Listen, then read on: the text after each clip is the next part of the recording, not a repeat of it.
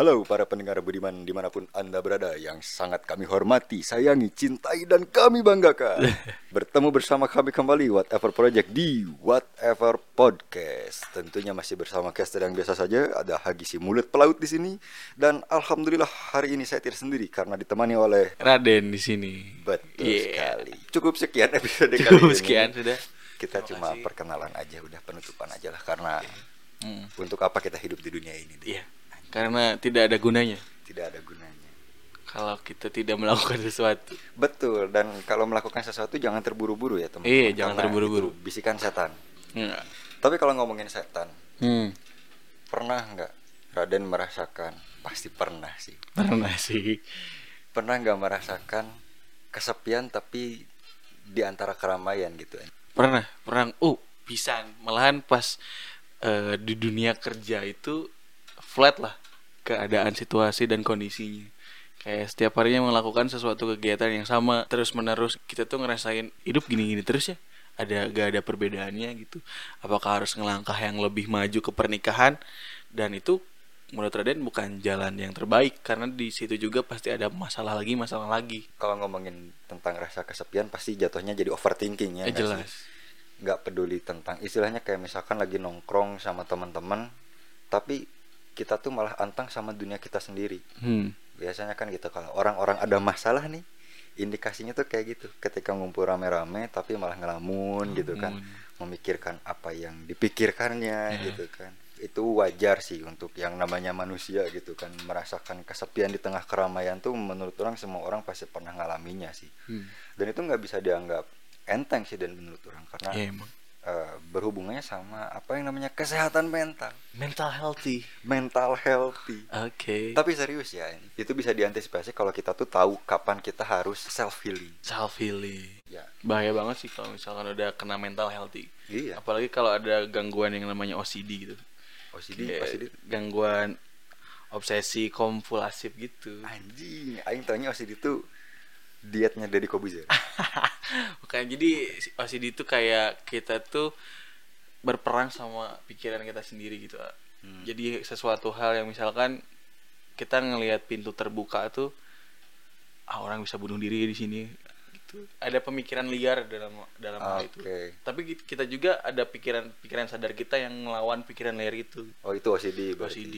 alter ego mungkin Alter ya jadi ego. jadi ada kepribadian lain di Nah. dalam diri kita gitu. Nah itulah jangan eh, itu pahitnya gitu sih kalau misalkan eh, mental keganggu terus didiemin gitu kan. Bahaya banget. bahaya banget karena bisa eh bisa meninggoy ya nih bisa dead man. Itu bisa bisa game over man.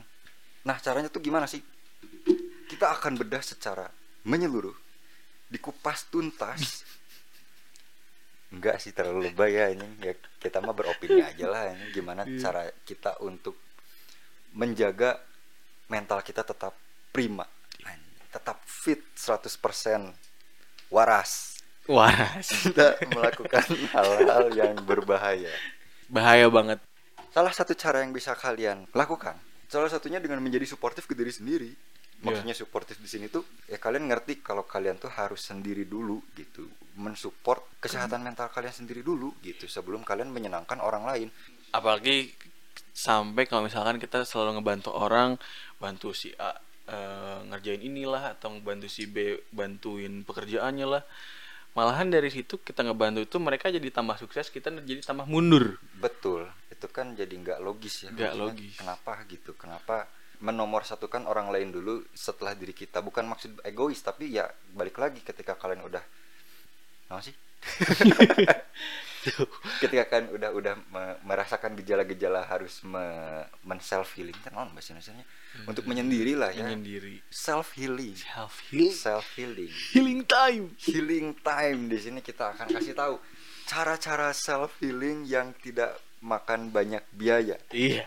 tidak sampai berjuta-juta Tidak sampai tidak karena kan bagi sebagian orang self healing itu harus ke pantai Iya, staycation. staycation kan di Bali. Mahal. staycation. Ya melakukan hal-hal yang membutuhkan uang yang banyak itu Iya. padahal enggak men. Padahal untuk self healing tuh eh, bisa dilakukan dengan kegiatan-kegiatan sederhana. Dan di sinilah manfaat dari episode ini. Iya, itu untuk jadi. ngasih tahu kalian cara self healing yang ekonomis. Dan Begini. efisien. dan efisien. Jelas sekali. Ekonomis efisien. Tidak pakai masalah lagi. Tidak pakai masalah lagi. Kita tidak butuh pelampiasan ke Iya. orang lain. Tidak harus melampiaskan tapi kita bisa melakukan hal-hal yang positif mungkin enggak ya. Seenggaknya enggak negatif. Ya yang bisa dijamin seenggaknya enggak negatif ke orang lain ataupun ke diri kita sendiri. Tapi Ataupun bisa membantu. Bisa ngebantu. Intinya ya kita tidak merugikan orang lain. Tidak merugikan teman tidak, Tidak. merugikan keluarga Tidak. gitu kan. Tidak merugikan pasangan kita juga. Tidak. Karena ya itulah manfaat dari episode ini tapi Anjing. tapi sebelumnya kalau self healing tuh butuh kita ngasih tahu ke orang gak sih bisa aja dengan nolak secara halus gitu nggak harus Hmm. digembar-gembor kan terkesannya akan norak kesannya jadi nyari simpati mungkin Pak. eh. apalagi orang-orang yang ternyata orang bipolar wah ah, ah, kayak gitu tuh kayak sempat ada tren di tahun 2019 ketika film Joker keluar Heeh. yang baru Heeh. anjing tren tuh jadi eh sakit tuh jadi tren anjing kalau orang seberanggapannya Hmm. orang yang beneran punya sakit mental nggak akan menyombongkan itu duh, duh, Eh. Aing nggak tahu sih ya pokoknya Aing nggak tahu lah Iya, nggak iya, ikut iya. ikutan cuman pandangan orang kayak ya ada Ya, ada gitu. sebagian orang ya iya ada sebagian Iya, orang kayak gitu Aing sampai lupa mau ngebahas apa ini lah. Cara efektif. Cara efektif dan ekonomis. Iya. Untuk self healing gitu. Jadi tidak mengeluarkan banyak uang. yang pertama adalah kalian bisa melakukan aktivitas yang bi- bikin diri kalian itu tenang dan senang. Kata kuncinya adalah aktivitas tenang tenang Dan dan, senang. senang. Ngelamun. Jadi ketika kalian merasa penat dengan dunia ini jadi kalian diam sore Ngelamun. hari di sore hari gitu kan. Bawa kopi. Bawa kopi. Ng- ngelamun di atas. Ng- ngelamun di toren gitu kan. bisa lihat awan gitu. Hirup kieu kieu teuing. Nah kan di situ ada pemikiran pemikiran. Bertabayun. Eh, Tabayun. anjing tabayun mah belajar Aisyah apa sih bahasa Arabnya? Teh? ya pokoknya itu ada ada perenungan Ya, ada merenungan.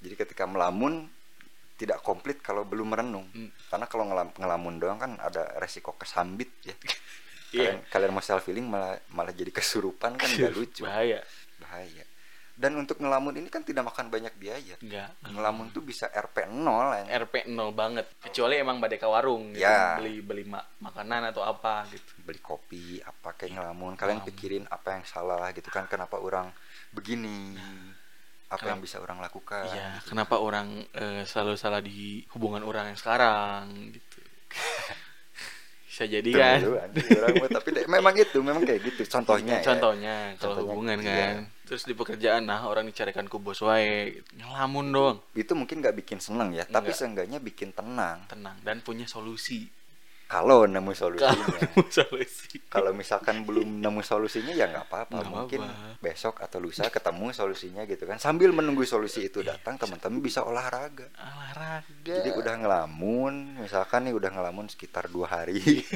punggung udah kerasa teman-teman bisa olahraga. Olahraga yang gratis itu Iya. adalah lari. Lari. Bisa priletik anjing priletik. Yoga. Yoga. Muhammad yoga anjing baturan SDI bisa kan? Yang gratisan lah kita mah. Iya. cincai aja nggak usah staycation ke Bali nggak ini ya gak usah. Bisa lari bisa ya apa pun itulah olahraga kesukaan Hmm. kalian ya. Kalau Raden kan mungkin pebasket ya. Basket main basket sendiri gitu.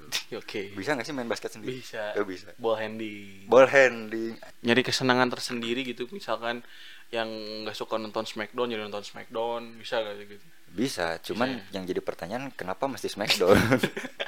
Kenapa mesti Smackdown? Kan banyak yang lain. Iya bisi gitu kan pengen lihat orang dibanting-banting. Bisa ngebayangin bisa ih bos aing anjing Nah. banting jadi semangat gitu kan. Semangat. tersalurkan gitu. Tersalurkan. Nah, mungkin bagi teman-teman juga ada yang mikir terus kalau misalkan olahraganya e-sport e-sport. bisa nggak menurut itu itu masuk klasik klasifikasi olahraga nggak sih kayak misalkan main PUBG atau ML Hmm, olahraga juga bukan? Lebih ke la- nambah emosi kalau Nggak e-sport.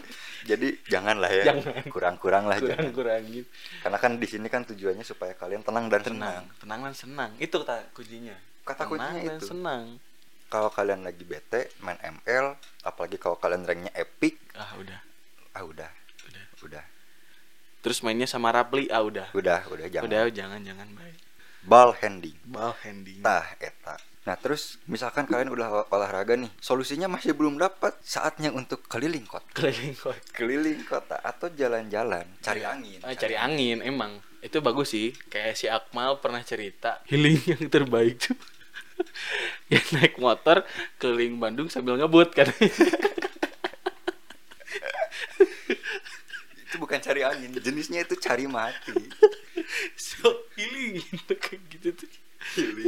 Hade mal, saya anu saya na eta mah. Tapi sejalan sejajalan sejajalanin se- sepanjang jalan itu ya balik lagi sih ke step yang pertama sambil merenung. Merenung. Sambil melamun juga dengan situasi jalanan lah Iya. istilahnya ngelihat orang-orang kesibukan orang-orang apalagi gitu. di, di, di situ kan di jalanan tuh banyak hal yang bisa kita bandingkan ketika ngelihat orang-orang. Hmm, betul oh, betul jelma jelma iya ripuh ya. Hmm. orang masih bisa seperti ini bawa motor lancar rezeki orang masih aya Ih jelema masih menta-menta masih ngamen lebih-lebih handap ti orang masih kan di situ teh ada sebuah pemikiran bahwa wah setidaknya orang kurang bersyukur ya, ya. nah eta apalagi kan kalau di jalan tuh lebih banyak sih manfaatnya kayak lihat orang yang nongkrong. Wah orangnya punya temen yang bisa diajak nongkrong. Jigana ngobrol jeung babaturan lebih asik atau kumaha Mm-mm. gitu kan. Mungkin ada masukan.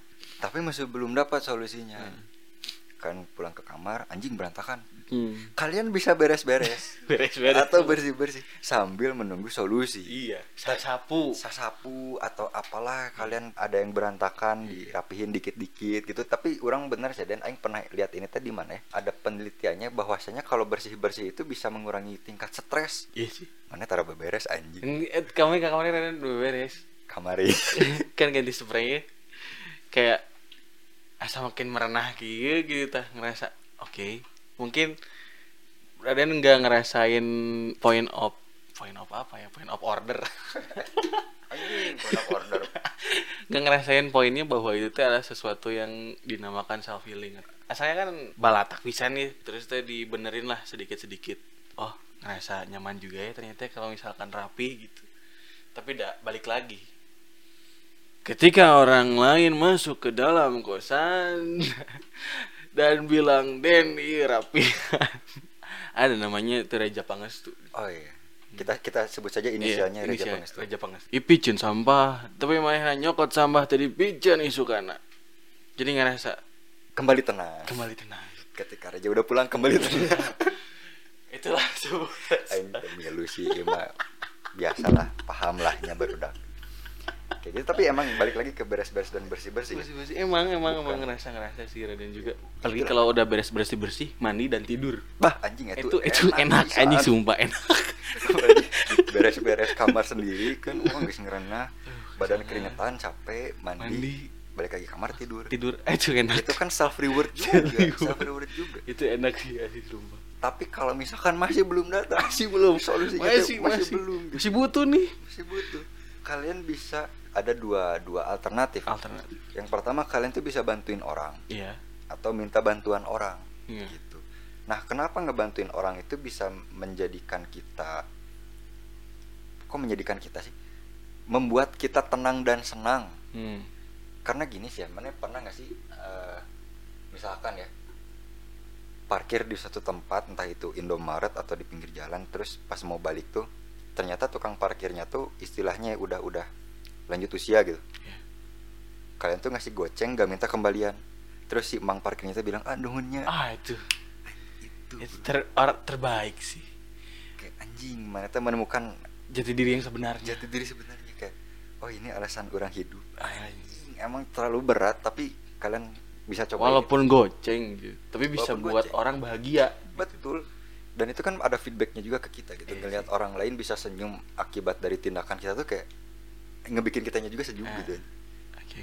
itu itu sesederhana itu ngebantuin orang tuh nggak nggak harus ibaratnya eh, apa ya makan biaya gede gitu Nggak. kan berjuta-juta tuh enggak Enggak, tapi asal jangan gini ah, ngebantu orang tapi dia gak punya uang gitu. It- itu kayak jing nah kayak gitulah kayak Iya. Beda lagi kan kalau gitu. lagi. Beda Itu lagi. ngebantuin Jangan orang. sampai gitu. tapi diri sendiri ripuh itu kan itu kan bukan itu tujuannya Bukan. tujuannya kan ngebikin kita tenang dan senang Bukan. kalau kita ngebantu oh, oh, udah udahlah itu mah aneh men Iya. itu mah makanya soalnya kemarin bik- eh, ini beda sih beda kayak ngerasa emang bener sih kak ketika ngasih sesuatu kan Raden suka malam-malam tuh suka pesen Sofi food gitu Hmm. minuman haus lah daripada malas ke warung gitu harus Ah. keluar motor apa apa belilah tiga orange juice gitu Raden ambil dua satu dikasih ke si supirnya. Hmm. supirnya cuma bilang ah makasih ya semoga rezekinya lancar. Ketika digituin teh anjir ayo nggak doakan orang. Padahal orang ngasih jus unggul gitu teh hiji. Ah eta. Memberikan ketenangan kan kayak Tenang, anjing, kayak- seneng deh kan kayak Jing, aing jika jelema bengar gitu tah. emang ya tapi bukan itu ya bukan, Iya, bukan maksudnya itu. bukan bukan ke pamernya Mm-mm, gitu tapi bukan. tapi lebih ke se- sekecil apa pun bantuan kalian Bangga. ke orang asal orangnya tepat ya Mm-mm. asal orangnya kayak emang butuh benar-benar butuh bantuan dan kalian bantuin itu feedback ke kaliannya tuh ketenangan diri nyaman. kayak senang juga Gak tahu soalnya kan orang yang ngedoain kita kan istilahnya udah mau orang yang usaha, orang yang berjuang itu kan mungkin diijabahnya lebih-lebih nah gitu. eta Dan alhamdulillahnya ya ketika itu ya udah dua kali tuh Raden gitu tuh. sombong Dan soalnya Sombong. ngerasa enak aja gitu sumpah yang satu bukti susu konkret ya iya, bukti, konkret. ya. Ya nyaman gitu. Hmm. Oh. Oke, mungkin dengan cara yang gini juga orang lain bisa seneng gitu. Betul, betul. Nah, yang kedua nih, saatnya kalian minta bantuan orang. Oh, minta bantuan orang. Dan setelah minta apa? Setelah setelah bantuin orang masih stuck juga, kalian minta, Minta bantuan, bantuan orang, orang. gitu. Dan orang di sini pun bukan sembarang orang, Hmm. Ustaz. Ustaz, Teman baik. teman baik.